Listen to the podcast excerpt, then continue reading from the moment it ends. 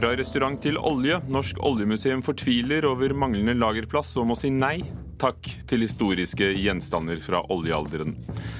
Vår anmelder har lest ny samtalebok om forfatteren og medforfatteren Dag Solstad, men fortsatt er romanene til Solstad selv mest interessant for å forstå ham. Og Munch-museets økonomi var ute på høring i går, men enkelte politikere var usikre på om de fikk de svarene de lette etter. Først i Kulturnytt om olje og ting, for arven etter oljealderen forvitrer. Gjenstandene som skal dokumentere den norske gullalderen, blir ødelagt av å stå ute.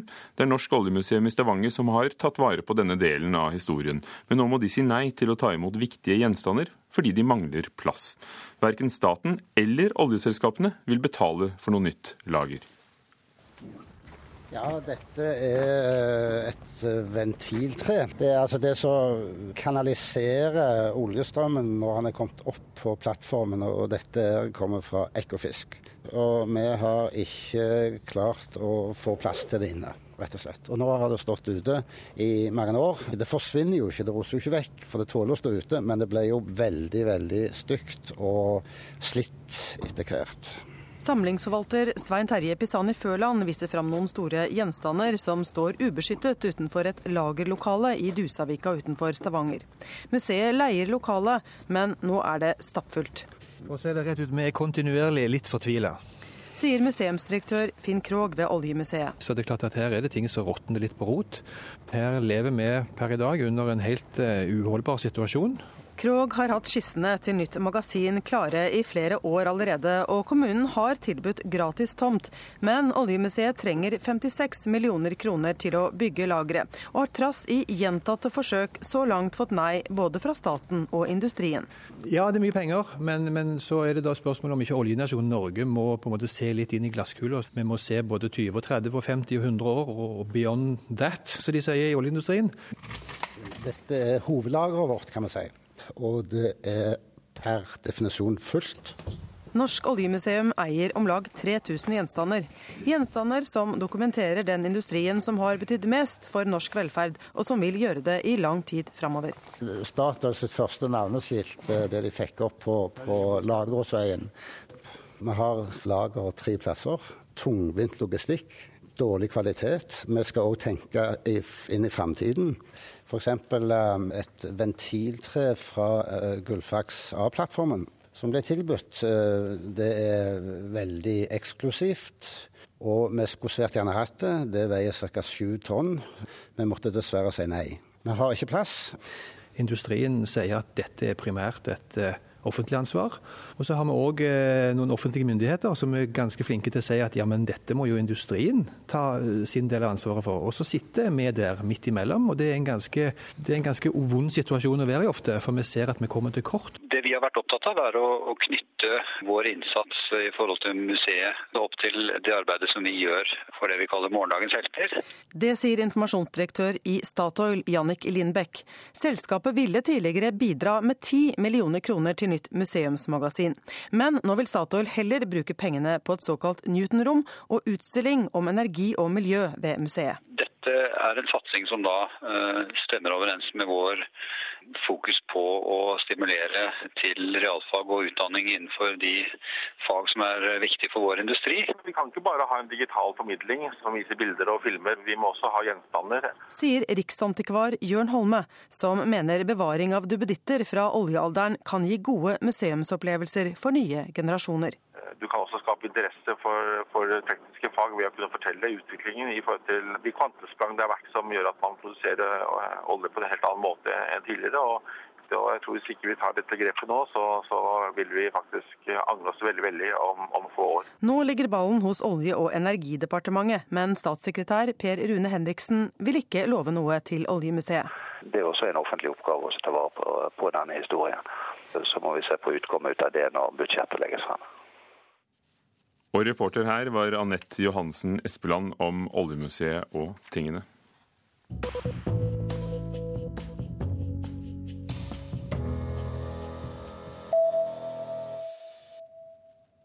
Den nye paven, pave Francesco, har uh, sagt mye i sin tid, og den italienske avisen La Stampas blogg Vatican Insider har ifølge The Guardian uh, publisert et sitat hvor han bl.a. snakker om journalistikk og journalister. Og han har sagt på TV i La Stampa at journalister fokuserer av og til for mye på det negative. Det hender negative nyheter kommer ut, og ofte blir de overdrevet og manipulert for å skape skandale. Og Dette har han sammenlignet med menneskers fascinasjon for egen og andres avføring, men han brukte eh, greske termer og, og langt mer poetiske bilder da han gjorde det, det må være sagt. Fagbokhandelen Akademika sliter. Det foreløpige resultatet for 2012 eh, viser et underskudd på 53 millioner kroner. Kjeden har det siste året krympet både lageret og staben, og nå håper direktøren at en boklov skal redde stumpene. Hvis eh, bokhandlene på universitetene skal overleve, trenger vi en boklov som gir vesentlig bedre rammevilkår, sier han til Klassekampen. Denne uken eh, leverer aktørene i bokbransjen sine kommentarer til forslaget om en ny boklov. Og de svenske fildelerne bak Pirate Bay får ikke saken sin opp for Den europeiske menneskerettighetsdomstolen i Strasbourg. Det besluttet domstolen enstemmig i går, og vedtaket er endelig. Domstolen anser at fildeling er en del av ytringsfriheten, men mener det må veies opp mot behovet for å forsvare opphavsretten, som også er en del av konvensjonen.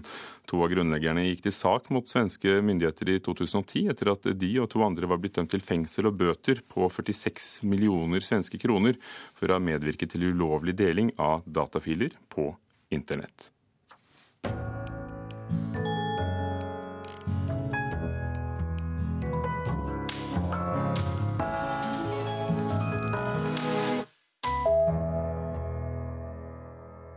Nei, jeg vil si at uh, Jeg kan ikke si at jeg har røtter i Sandefjord i den forstand at uh, det er derfra jeg henter inspirasjon til det jeg skriver.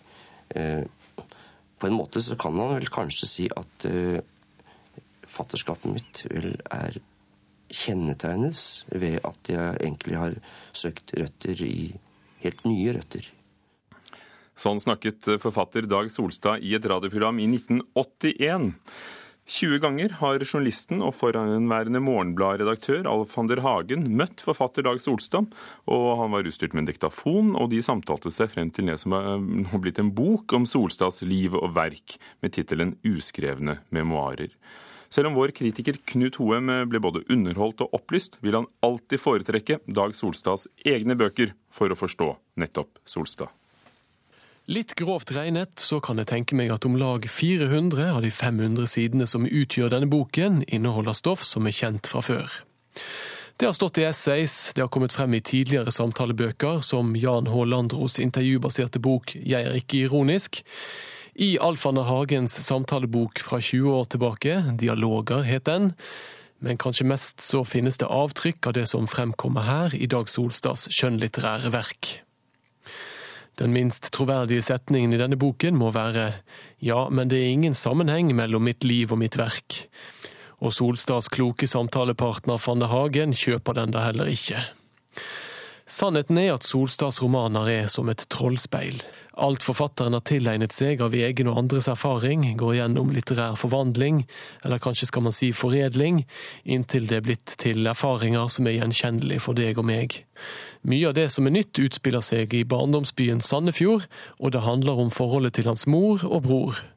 Han mener oppveksten var like kaotisk som kommentarfeltene på internett. Moren er like uberegnelig som hans nye datamaskin. Nytt er også mye av det han forteller om sin tid som lærervikar i Nord-Norge. Et intermesso som snart begynner å framstå som en standard dannelsesreise for norske forfattere.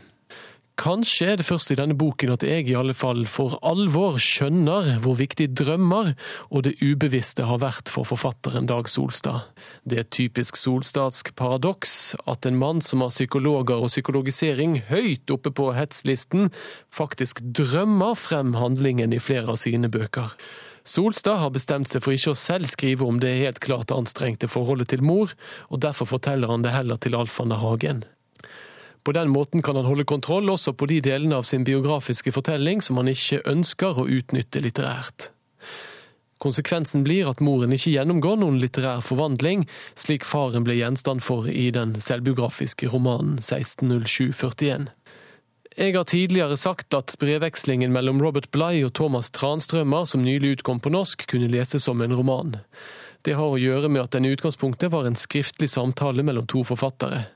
Denne samtaleboken har kanskje mer felles med teater, eller kanskje også terapi.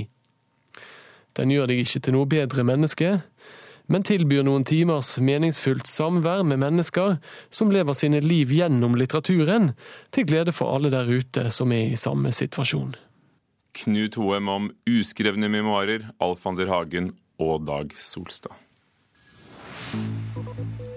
Kvart over åtte er klokken blitt. Nyhetsmorgen i NRK med disse overskriftene. Katolikker over hele verden hyller den nye latinamerikanske paven. Pave Frans kan bidra til å gjøre europeere mindre selvopptatte, tror norske katolikker. Tidligere statsråd Erik Solheim får kritikk for å ha gitt styreverv til en god venn, uten å undersøke sin egen habilitet først. Høyre-leder Erna Solberg er den de aller fleste av oss vil ha som statsminister, viser en ny meningsmåling. Og nå kommer enda en ny og god norsk film på kino. Vinterens beste filmer blir oversett, sier vår anmelder. Munch-museet. I går var det høring i Oslo kommunes kulturkomité, som lyttet til sjefer og ansatte om det økonomiske uføret museet har havnet i. Museet som tar vare på arven til Oslo kommune etter maleren Edvard Munch.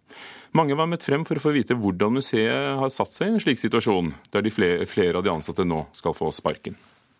Jeg vet ikke om jeg fikk så mye nye svar. Eh, det var litt forvirrende opplysninger og litt sånn fram og tilbake mellom hvem som hadde ansvaret for hva. Andreas Halse fra Arbeiderpartiet hadde mange spørsmål han ville ha svar på i høringa i kulturkomiteen i Oslo kommune i går kveld. Mange hadde møtt opp, både journalister, ansatte og politikere, for å få vite mer om hvordan Munch-museet har havna i en situasjon der ansatte må gå. Og det ble tydelig at situasjonen var alvorlig. Det som skjer nå på Munch-museet, er jo nedbygging av det som skaper kvalitet på museet. Både i konservering, i antall utstillinger, i muligheten for internasjonalisering. Altså en rekke ting. Eh, og det er jo veldig, det er veldig trist og beklagelig for eh, Munch-museet. Lars Toft Eriksen i Forskerforbundet var ikke imponert over det han fikk høre i utspørringa, og etterlyser at noen gir noen ansvaret. Så jeg venter at Oslo kommune, bystyret, tar eh, denne saken på alvor og ser på ansvarsforholdet, og også plasserer det ansvaret hvor det bør ligge. Og eventuelt søker å finne en konstruktiv løsning på dette her. Spesielt med tanke på byggingen av et nytt museum og veien frem mot det museet. Kulturbyråd Halstein Bjerke vedgår at situasjonen er alvorlig. Byrådet tar derfor grep. En tilsatt fra finansbyråden sitt kontor skal nå gi råd i nedbemanningsprosessen. I tillegg er det satt i gang ei tettere økonomisk oppfølging av Munch-museet. Ja, det gjør vi. Eh, og det eh, startet vi allerede med i september. Da iverksatte vi en del ekstraordinære tiltak knyttet til at man måtte komme med månedlig økonomirapportering til byrådsavdelingen osv. Nå i mars har vi også iverksatt noen ytterligere skjerpende tiltak for å følge situasjonen med museet enda tettere. Men selv om byrådet nå tar grep, er det museumsledelsen som sitter med nøkkelen, sier Bjerke. Selv om vi satser mye, så må etaten forholde seg til de rammene de har. Selv om de har større, tre ganger så store rammer som de hadde for ti år siden, så må de forholde seg til de rammene de har. Og de må eh, da også justere kostnadsnivået sitt. Ja, det var vår reporter Espen Alnes som eh, hadde tatt for seg høringen om Munch-museet i går. Dekkprodusenten Michelin er eh, nå vel så kjent for sin restaurantguide. I dag skal årets utgave komme. Både reisende og matglade venter på hvem som får eller mister gafler og ikke minst stjerner. I fjor oppnådde fire norske restauranter stjerner i guiden. På Stadholdergården i Oslo håper Bent Stiansen å beholde den han fikk i 1998. Vi er et team. Akkurat som Rosenborg på sitt beste var med i Champion League i kvartfinalen, så er vi i kokkenes Champion League. Blant dampende gryter på kjøkkenet på Stadholdergården i Oslo står sjef Bent Stiensen og følger med på arbeidet. Restauranten har helt siden 1998 hatt en stjerne i den prestisjefylte Michelin-guiden, og Stiansen har store forhåpninger om å beholde stjerna i årets guide, som blir offentliggjort i dag. Vi føler vel at vi aldri har vært bedre enn det vi er nå, så vi syns vel at vi fortjener den, ja. Det er akkurat som, som Northug, det han gjorde i VM. Er ikke godt nok når han kommer til OL. og sånn er det med oss også, at Hvert år så må vi gå videre og utvikle oss. For det ligger prestisje i å komme med i den 104 år gamle Michelin-guiden. Guiden er mest kjent for å gi gode restauranter én, to eller tre stjerner. Dette blir gjort ved at en inspektør blir sendt ut anonymt for å bedømme smaken og kvaliteten på maten og opptredenen til personalet. Å ha ei eller flere stjerner gir høy status i restaurantbransjen, noe Stiansen kan skrive under på. Det betyr mye. Det betyr at det er en anerkjennelse for det faglige nivået en gjør. Det er respekt. Det er liksom eh, respekt eh, blant en av verdens viktigste restaurantmålere. For det er ikke hvem som helst som kan skilte med en Michelin-utmerkning. I 2012-gaden er det bare restaurantene Stadholdergården, Bagatell og Moemo som har stjerner. Men det er flere som har forhåpninger. Even Ramsvik, sjef for restauranten Ylajali i Oslo, har nervene i høgspenn før presentasjonen av årets guide. Eh, altså Personalet holder seg jo veldig rolig. Eh, med meg er det jo litt verre. Jeg har jo eh, litt mer nerver og går jo selvfølgelig og tenker litt ekstra, ekstra, på det. Jeg skulle ønske jeg klarte å holde meg rolig, men den egenskapen den har jeg ikke, altså. Mener du at restauranten har gjort seg fortjent til det? Det syns jeg absolutt. Det syns jeg. Det vi jobber knallhardt hver eneste dag for å eh, gjøre det beste vi kan. Vi håper jo at vi har hatt besøk, i hvert fall. Det gjør vi. Og føler at vi har fortjent det. Og har kommet til et punkt hvor jeg er veldig fornøyd. Vi har utrolig stor pågang på gjester, og eh, utrolig fornøyde gjester og veldig godt rykte. Så jeg håper at det har gjort at de har eh, fått oppmerksomheten for oss. og har valgt å besøke oss i år. Da. Men om det ikke blir stjerne i år, lover Ramsvik og Ylayali å komme sterkt tilbake. Så hvis det ikke blir nå, så vet jeg jo i hvert fall med sikkerhet at om et år, med den progresjonen vi har, så, så bør vi i hvert fall få en. Bent Stiansen vil i alle fall bli skuffa dersom Stadholdergården ikke får beholde stjerna i Michelin-guiden 2013. Ja, Det er vi, ville vi blitt fryktelig lei oss altså sånn eh, oppriktig lei oss og fortvilt fordi vi jobber hver dag med stoltheten og vårt faglige nivå, at vi skal beholde stjernen, skal ha fornøyde gjester. Og da er det viktig at vi får lov til å ha det, for det betyr så mye for oss. Knivsliping på Stadhallergården i Oslo, reporter var Camilla Yndestad. Tom Viktor Gausdal, kokk, restauratør og vinner av mange medaljer, bl.a. sølvmedaljen i Bocuse d'Or. Tror du det blir flere norske Michelin-stjerner i dag? Jeg tror, eh, jeg tror, og håper det. Eh, det tror jeg veldig mange gjør. Du driver jo selv restaurant. Hvor mye ville det betydd for deg, hvis det var det du siktet etter? Nei, altså Man er jo veldig eh, heldig hvis det skjer, for da får man litt mer internasjonal anerkjennelse, og du kan få gjester fra ikke bare nærområdet ditt, men du kan få gjester fra overalt. Men ville du ikke blitt veldig nervøs? Fordi du, du hørte jo her, de er nervøse for å opprettholde dette her, og øh, vil jo nødig miste det? Ja, nei, altså jeg er egentlig veldig fornøyd sånn vi har det nå, at ikke vi, at ikke vi er akkurat der. København fikk 14 i fjor, Oslo fikk 4. Eh, en av dem har stengt i mellomtiden, så det er bare tre igjen. Hva gjør eh, København f.eks. annerledes enn eh, en dere kokker her? Det er nok litt mer fokus på det i København. At flere, det, er, flere som satser direkte mot det. Litt mer bevisst. Men hva kreves? Hva ser de etter, disse anonyme inspektørene? De, de, de, vil jo ikke si hva de krever. De vil at det, de skal ikke legge noen føringer. Men eh, det er klart, har man spist på mange stjernerestauranter rundt omkring i verden, så ser man jo litt konturene av der, foruten om Asia, da, så ser man jo litt hva man burde gjøre. Alle ser til stjernene, men det finnes jo mange andre anbefalinger i disse guidene også. De, de deler ut gafler, det som heter Bib Gourmand, som er en sånn bitte liten Michelin-mat, altså den dekkmannen, som er en anbefaling på, på steder hvor man spiser rimelig, men godt. Eh, er det en guide som holder mål, syns du? Syns du det stemmer med dine erfaringer når du er ute og spiser? Ja, det er både òg. Jeg har hatt mitt beste og mitt dårligste måltid på stjernerestauranter. Så jeg har fått fantastisk dårlig mat på en trestjerners restaurant. Det har jeg gjort flere ganger. Og da, da, setter man jo liksom hele guiden litt i tvil, men det er klart sånn jevnt over enstjerners restaurant og sånt, og særlig Bib Gourmand, da. Det er jo steder du får valuta for penga. Hva, hva, drømmer du om for dine restauranter der du er medeier og, og driver? Det er ny en som heter Smalhans i Oslo f.eks.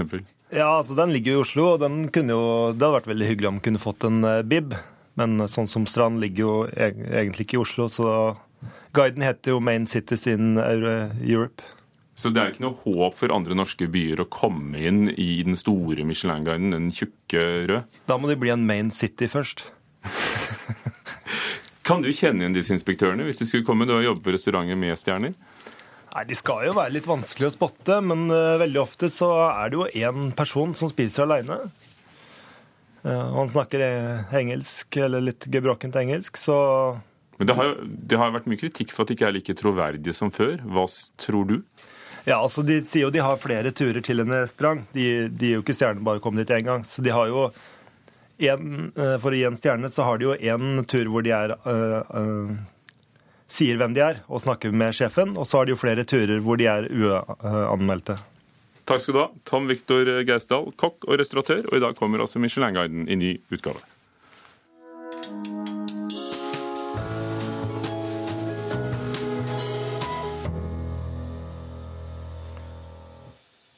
Norsk film er inne i en spesielt god periode, men det har altså ikke publikum fått øynene opp for, mener vår anmelder. Eh, nå er det premiere på enda en god norsk film, eh, sier han. og Vi skal legge spesielt merke til to navn som han vil nevne. Eh, filmen heter Jag etter vind, og her er Einar Gullvåg Staalesen.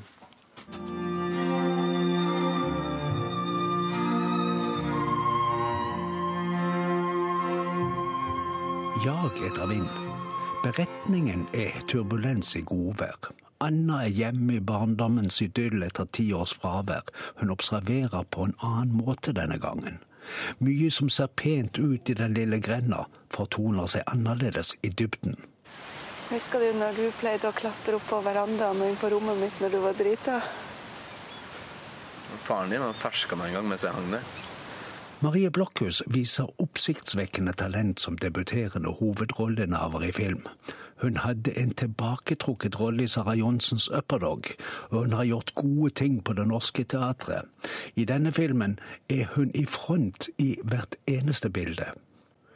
Det er hun og Rune Denstad Langlo det dreier seg om. Det er manuset til Langlo, regien hans, hans evne til å balansere lyd og bilde og tanke, instruksjonen hans og et fint og modent forhold til mennesker bak maskene. Så er det Marie Blokhus sitt spill. Hun er innom alle livets naturlige stemninger i løpet av filmens spilletid, og er troverdig i hvert eneste uttrykk. I tillegg er det en karikert gretten bestefar der, Sven Bertel Taube. Han er kjernen i historien, men ikke i filmopplevelsen. Ingen har bedt deg komme hit. Kjæresten min overtalte meg. Da er han en idiot. De andre som er med, er der for å bygge rammer rundt de tre. Smårollene er utmerkede. Langlo har bevisst redusert bipersonene til nærmest poserende figurer med korte, gode replikker. Det vesentlige i historien blir tydelig på den måten. Historien gjør inntrykk fordi utgangspunktet er ganske vanlig. Skal du studere en familie og dens hemmeligheter, skal du oppsøke den i en begravelse. Filmskapere bruker gjerne det grepet. Begravelser kan gi gode og gripende bilder også. Denstad Langlo studerer sin grend når en av de sentrale er gått bort, og familie, naboer og ungdomskjæreste gjør opp regnskap for den delen av livet som er passert. Han er god til å se Langlo. Anna, som driver med motedesign i Berlin, reiser hjem til småstedet på norskekysten for å forberede farmors begravelse sammen med farfar. Du sitter her inne og syns synd på deg sjøl og stenger deg inne her, og det har du alltid gjort. Min sønn dum. Og han var min pappa! Kan du ikke bare si det? Være ærlig og si det du mener? De har ikke hatt mye kontakt de siste årene. Det forklares med at Anna mistet sine foreldre tidlig i en båtulykke, og at noen bebreider Anna at det skjedde. Når hun nå er tilbake, konfronteres hun med sin første forelskelse også. Ich habe von dich geträumt. Sitter bare og finner på. Jeg finner ikke på. Herregud. Hør på deg selv, da. Du har jo ikke forandra deg noen ting. Det er ting. du som er stuck her. Du vet ingenting om hvordan jeg har det. Det er nesten som vanlig, og det er dramatisk. Historien kan være forstemmende. Filmen, observasjonen, formidlingen er oppløftende. Jag etter vind. Einar Gullvåg Staalesen anmelder flere premierefilmer i Mørkets opplevelser klokken 19 i P2 som vanlig. I Kulturnytt, i dag har vi hørt at Norsk oljemuseum må si nei takk til historiske gjenstander fra oljealderen. Beate Haugtrø var teknisk ansvarlig. Vidar Sem, produsent. Ugo Fermariello, programleder. Og klokken er halv ni.